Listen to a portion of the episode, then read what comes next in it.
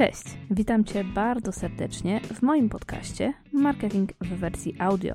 Dzisiaj mam dla Ciebie trzeci odcinek facebookowego QA, w którym odpowiadam m.in. na takie pytania jak czy istnieją prywatne hasztagi, jak radzić sobie z małymi budżetami i jakie są idealne umiejscowienia reklam. Link do tekstu znajdziesz w opisie tego podcastu. Na moim blogu harzyńska.pl znajdziesz oryginalny materiał oraz inne artykuły o marketingu i biznesie. To co? Zaczynamy! Dzisiaj mam dla Ciebie 12 odpowiedzi na 12 pytań. Pytanie pierwsze. Czy mogę zastrzec używanie prywatnego hashtaga na Instagramie lub Facebooku? Nie, ponieważ nie istnieje coś takiego jak prywatny hashtag. Funkcja wyszukiwania postów na bazie hashtagów dostępna jest dla każdego użytkownika, bez ograniczenia. Nawet jeżeli do tej pory nikt nie używał wymyślonego przez ciebie hashtagu, to nie możesz zabronić nikomu go używać, bo nie jest i nigdy nie był twój. Pytanie drugie. Jak usuwać komentarze pod reklamami zachęcające do skorzystania z produktów konkurencji?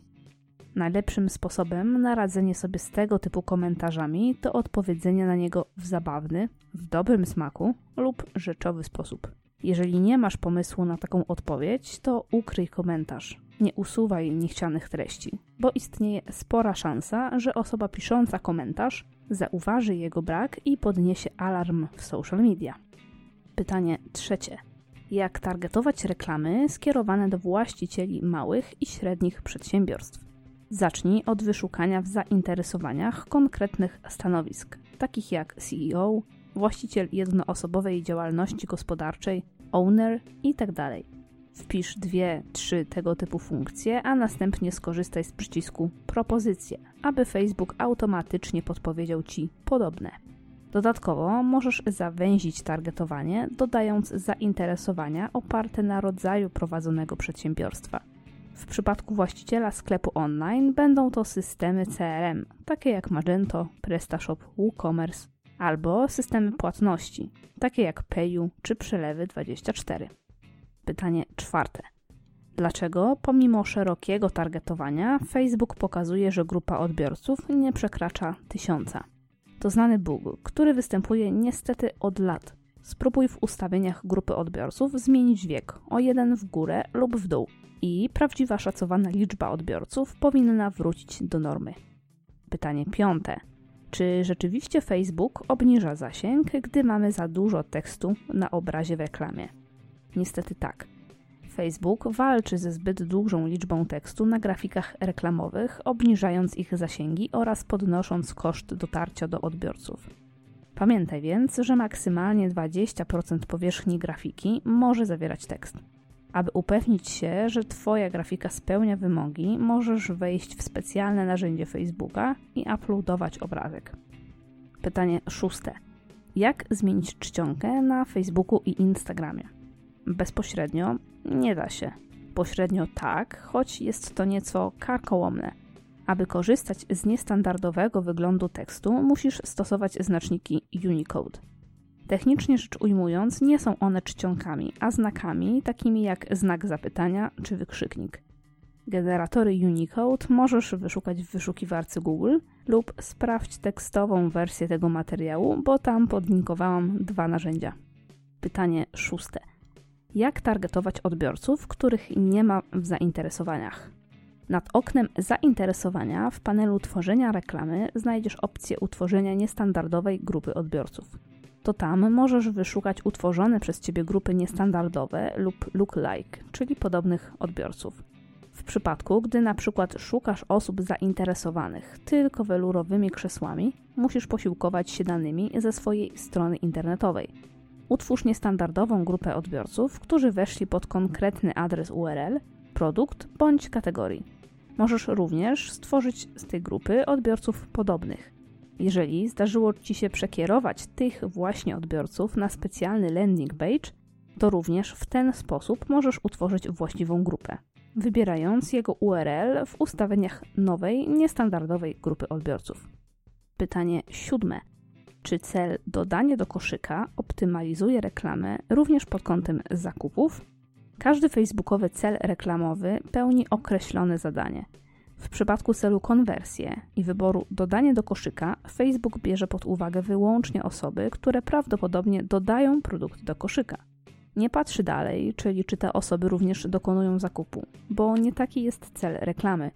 Jeżeli chcesz, aby reklamy widziały osoby dokonujące zakupów, to wybierz cel zakup, a nie dodanie do koszyka. Pytanie ósme. Czy posiadając tylko 500 zł na miesiąc budżetu reklamowego jest sens przeprowadzać testy AB?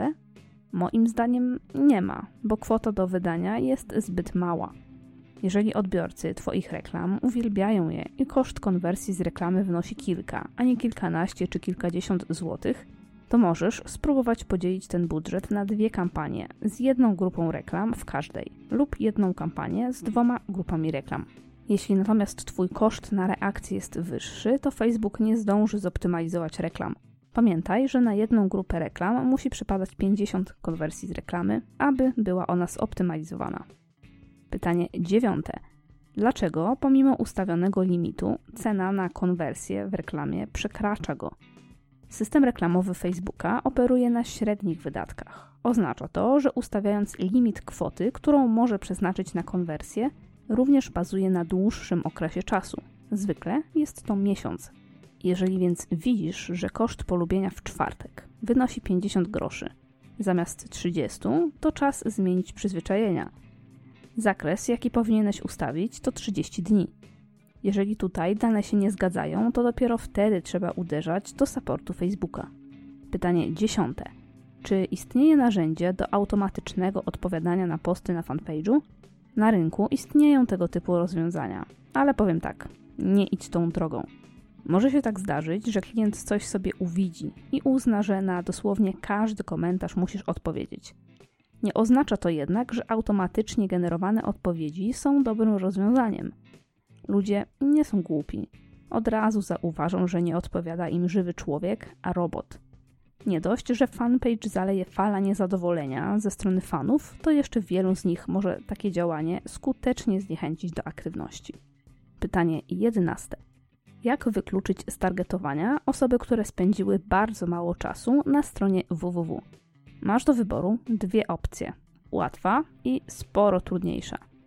Łatwa polega na stworzeniu grupy niestandardowych odbiorców oraz wybór procentowego czasu na stronie. 5% najdłużej spędzających czas, 10% lub 15%. Trudniejsza to już zabawa ze zdarzeniami w Google Tag Managerze. W dużym skrócie, musisz utworzyć w GTM zdarzenie, które uruchamiane jest po przekroczeniu określonego czasu na stronie. Następnie tworzysz nowy tag, w którym umieścisz niestandardową konwersję Facebooka. Jako trigger ustawiasz wcześniej utworzone zdarzenie. Czy mogę jednocześnie uruchomić kilkanaście lub kilkadziesiąt reklam dla jednej strony www? Tak, ponieważ reklamy nie kanibalizują się, a wymieniają. Pamiętaj również, że inny cel reklamowy to inna grupa odbiorców. Więc jeżeli posiadasz trzy kampanie i każda ma różny cel, to Facebook powinien celować w odmiennych potencjalnych klientów skłonnych do działania określonego w celu. I ostatnie pytanie.